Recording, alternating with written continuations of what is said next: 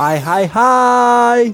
Teman-teman traveler semua Masih bersama Abang Petualang di podcast Berhasil Traveling. Episode kali ini cerita alam Gunung Merbabu Dengan ketinggian 3145 meter dari permukaan laut Di Provinsi Jawa Tengah, Pulau Jawa. Topik yang akan dibahas seperti biasa cara mencapai Gunung Merbabu, Jawa Tengah via Jalan Raya Kopeng yang memiliki tiga jalur utama. Langsung aja kita dengerin cara mencapai Gunung Merbabu dengan diawali latar belakang cerita Gunung Merbabu berikut ini. Teman-teman, traveler semua yang suka dan menikmati trekking-trekking di alam terbuka, konsentrasi gunung seperti biasa. Tanah Jawa tempat paling favorit untuk lintas alam maupun TikTok dari basecamp menuju puncak dan kembali di mana basecamp teman-teman berangkat. Kesempatan kali ini Abang Petualang mau ceritain dulu ya sejarah boleh dibilang asal mula Gunung Merbabu yang di mana banyak wisatawan yang kurang mengetahui asal muasal tempat yang dikunjunginya yakni Gunung Merbabu. Teman-teman mau dibilang wisatawan atau bukan, tapi ketika kita berpergian ke wisata gunung, so kita itu disebut wisatawan. Tapi basically di sini saya memanggil penikmat warga podcast khusus traveling, konsentrasi, trekking jadinya adalah tracker atau traveler. Jadi kalau wisatawan nggak deh ya. Oke. Berikut ceritanya nih. Semoga menjadi background yang di mana napak tilasnya itu sebenarnya ada di kaki-kaki gunung Merbabu. Seperti kita ketahui, Gunung Merbabu terletak dengan ketinggian 3000-an termasuk Seven Summit kelima di Provinsi Jawa Tengah dan sembilan tertinggi di Pulau Jawa sekaligus nomor 23 gunung tertinggi di Indonesia berdasarkan catatan Abang Petualang Berikut ini asal muasal Gunung Merbabu berada terletak di tiga wilayah kabupaten. Kabupaten yang sangat terkenal yakni seperti Kabupaten Magelang, Kabupaten Salatiga, dan Boyolali. Oke, tempat yang paling asik buat naik Gunung Merbabu paling enak itu sebenarnya melalui jalur jalan raya Kopeng namanya. Sama seperti jalur jalan raya Puncak. Nah, nama Puncak ini adalah namanya Kopeng kalau di via Gunung Merbabu. Alasan pertama, di jalur melalui jalan raya Kopeng, hampir setengah badan, boleh dibilang setengah badan, masih ada kenikmatan sumber air segar. Jadi teman-teman tracker semua akan mengalami minimalis beban manajemen dalam membawa logistik air seger, air minum. So, di titik di mana pengambilan air terakhir dari keran, dari tap yang sudah dibuat, di sinilah teman-teman harus ngambil sebanyak-banyaknya, penuhin semua tampungan air tracker traveler naik gunung merbabu ini. Nanti saya akan ceritakan, Abang Tualang akan menceritakan pengalamannya melalui satu di antara tiga pintu desa dari jalur jalan raya Kopeng. Yaitu satu di antaranya yang dilalui melalui via desa Tekelan. Sebelum ke sana, kita dengarkan cerita latar belakang boleh dibilang legenda, boleh dibilang mitos apa pun sejenisnya, tapi perlu tahu juga bahwa tokoh-tokoh kerajaan-kerajaan di tanah Jawa ada juga menapak tilasi daerah-daerah di sekitaran Gunung Merbabu. Karena Gunung Merbabu ini ya adep-adepan sama Gunung Merapi di selatan dari Gunung Merbabu atau di utaranya Gunung Merapi yang tidak pernah ingkar janji. Oke, berikut ini Abang petualang ceritain dulu nih legendnya dan asal usul nama Gunung Merbabu. Gunung Merbabu berasal dari kata Maharu dan Abu. Maharu artinya itu gunung sama dengan Meru. Mirip ya seperti nama-nama gunung yang ada di Provinsi Jawa Timur. Semeru atau Mahameru. Dan nama abu ini yang berarti gunung yang berwarna abu-abu pada waktu meletus di seluruh permukaan tanahnya tertutup oleh material abu vulkanik dan berwarna abu-abu. Jadi asal usul nama merbabu terdapat versi yang beredar di kalangan keraton kerajaan Mat Mataram waktu itu. Konon di bumi telah berdiri beberapa kerajaan yang saling berperang. Satu dari kerajaan itu yakni kerajaan Mamenang atau Mamenang. Merupakan kerajaan pemenangnya. Maksudnya gitu tuh kerajaan itu berada di kekuasaan otoritas pimpinan Maharaja Kusuma Wicitra namanya. Jadi dalam masa kerajaan pimpinan Maharaja Kusuma Wicitra ini ada satu pribadi yang namanya Resi Sengkala atau dikenal juga Jaka Sengkala atau Jitsaka atau secara umum masyarakat menyebutnya Aji Saka telah memberikan nama-nama gunung di seluruh pulau Jawa.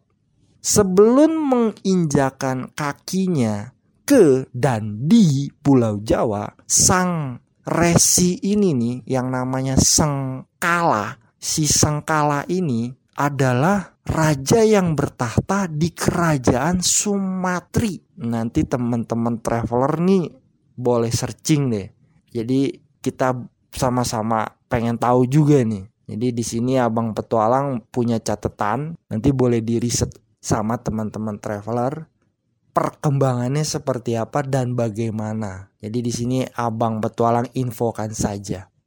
Karena kemenangan Maharaja Kusuma Wicitra ini semua segala sesuatu yang berada di kekuasaannya diganti namanya disesuaikan dengan kebudayaan Mamenang atau Mameneng.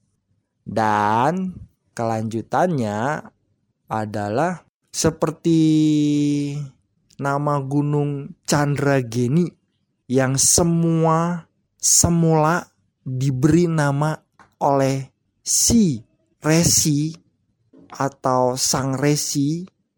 Yang tadi kita sudah tahu si yang namanya Sengkala ini jadinya berubah namanya oleh Kusuma Wicitra menjadi Gunung Merapi sebelum namanya Chandrageni sama Sangkela kasih nama. Jadi Sangkela ini pertama nih dia datang ke Pulau Jawa, dia kasih nama seluruh gunung di Pulau Jawa.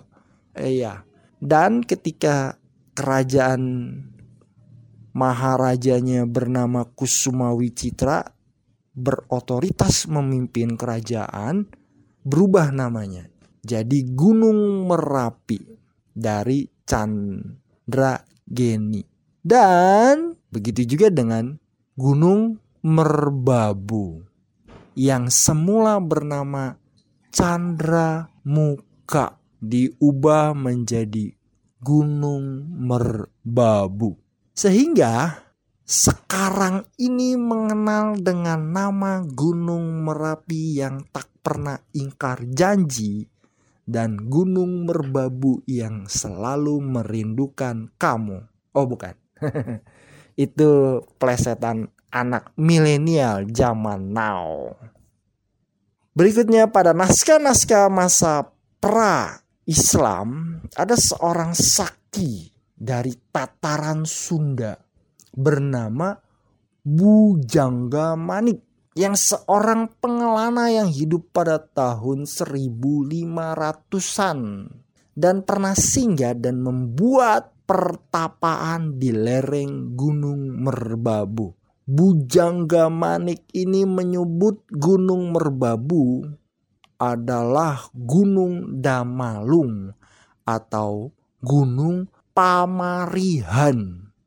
Perjalanan Bujangga Manik di lereng Gunung Merbabu tercatat di naskah catatan Wong Belanda. Butuh dilakukan konfirmasi dan penelitian lebih lanjut berdasarkan karya RSI Hindu Sunda yang namanya KRT Kusumo Tanoyo yang dimuat tulisannya di buku Gema Yubelium HIK Yogyakarta tahun 1987. Seperti kita sudah ketahui, Gunung Merbabu gunung api yang tipenya strato. Kalau secara geografis terletak di ini bukan secara geografis kayaknya ya. Tapi ya begitulah. 7,5 derajat lintang selatan dan 110,4 derajat bujur timur. Nah ini yang suka dengan satelit nih kayaknya cocok banget nih teman-teman traveler yang bawa satelit dengan bermain lintang dan bujur. Ah ini teman-teman yang suka secara pemetaan, secara administratif, gunung ini berada di wilayah Kabupaten Magelang di lereng sisi baratnya dan Kabupaten Boyolali di lereng sisi timurnya dan di lereng sisi selatannya kota Salatiga dan Kabupaten Semarang di lereng sisi utara Provinsi Jawa Tengah Gunung Merbabu dikenal melalui naskah-naskah masa pra-Islam sebagai Gunung Damalung. Seperti yang tadi sudah dibilang, atau Gunung Pamarihan. Di lerengnya pernah terdapat pertapaan terkenal yang disinggahi oleh Bujangga Manik abad 15. Dan berdasarkan catatan-catatan Belanda, gunung ini pernah meletus tahun 1560 dan tahun 1797 dilaporkan demikian belum dilakukan konfirmasi dan penelitian lebih lanjut Puncak Gunung Merbabu berada pada ketinggian 3145 dengan tempatnya bernama Kenteng Songo, puncak tertinggi Gunung Merbabu. Yakni 3145 meter dari permukaan laut. Oleh karena itu, itulah cerita latar belakang asal muala asal Gunung Merbabu. Kita lanjut saja nih ceritanya. Berikut ini di mana tadi Abang Petualang bilang melalui jalan raya Kopeng memiliki tiga pintu masuk desa. Berdasarkan catatan para ahli-ahli yang sudah keduluan pernah tracker tracking di antara tiga desa ini via jalur jalan raya Kopeng, yakni sangat merekomendasikannya via Wekas atau Teklan. Dan ada berita yang bagus. Ada satu jalur lagi yang namanya Suwanting. Cara mencapai Gunung Merbabu via jalur Kopeng, Jalan Raya Kopeng ini sangat sederhana. Seperti biasa, Abang Pertualang sudah terbiasa dengan yang namanya terukur, terkelola, terarah, dan terlaksana dalam memulai pendakian ke menuju base camp pintu masuk pilihan selama di trekking dan berada di puncak gunung terpilih selama jadi tracker traveling di alam terbuka. Ini semua tujuannya untuk safety and secure kembali menuju rumah home sweet home. Enjoy your traveling. Very simply. Teman-teman traveler boleh nyimak bagaimana bisa menikmati manajemen logistik yang efektif, efisien, dan juga nggak ngerepotin. Langsung aja kita menuju ke cerita cara naik gunung Merbabu via jalur jalan raya Kopeng dan yang dipilih ceritanya saat ini pengalaman abang petualang melalui desa Tekelan. Berikut ini abang akan ceritain sama seperti sebelumnya cara mencapai Gunung Sumbing Jalurnya sama, silakan teman-teman menuju ke terminal Mendolo yang ada di Wonosobo. Ini jalur yang sudah jadi familiar. Tapi bagi teman-teman yang juga hobi via Semarang mau nyentrik-nyentrikan jalan-jalan sebentar di kota Semarang baru hiking, no problem. Yang pasti ini abang tualang cerita via simpang pasar Kretek melalui sebelah kiri dan sebelah kanan Double S, Sendoro dan Sumbi. Melintas jalur ini kita akan tiba di daerah Parakan. Di sini waktu itu ceritanya baru dimulai. Pada episode kali ini, Abang Petualang akan batasi ceritanya Sepertinya ada tiga episode part 1, 2, dan 3 Di part 1 ini abang lebih dominan menceritakan latar belakangnya Dan sedang perjalanan menuju ke base campnya. Nah sewaktu menuju ke base camp Saya pilih naik bus yang jalurnya itu menuju Magelang atau Semarang. Karena kenapa? Ketika dia tiba menuju ke kota Magelang yang bakalan juga orang ada suka nyambung ke Semarang itu pasti lewat Magelang. Karena dari Parakan itu ke Magelang. Nah, ketika kita sudah menuju ke kota Magelang, mereka mau menuju busnya yang ditumpangi ke terminal, ini ada cerita yang sangat menarik. Jadi dari simpang pasar kretek itu sekitar kalau nunggu bus lama. Tapi kalau mau estafet ada banyak sih sekitar satu dua ada tiga. Karena mereka nggak langsung. Nggak tahu kenapa tuh supirnya kalau pagi-pagi suka nggak mau langsung. Padahal busnya tulisan Parakan atau tulisan Magelang. Tapi mereka hanya sampai di Parakan balik lagi ke pasar keretak simpang pasar keretak nah pengalamannya saya nih waktu itu ngalamin yang diberhentiin di Parakan disambungin lagi naik kayak seperti mobil kecil KWK yang banyak di kota Bogor gitu. Ya mobil-mobil carry. Terus situ pun saya suruh nyambung lagi. Naik mobil bus kayak metro mini gitu. Dan baru saya disambungin lagi sampai ada mobil bus. Ternyata dia agak telat. Saya tanya busnya ternyata dari simpang pasar kretek barusan ini. Ah nggak apa-apa deh yang penting saya nyambung. Kalau soal harga biasa. Kalau stylenya abang petualang udah pasti backpacker.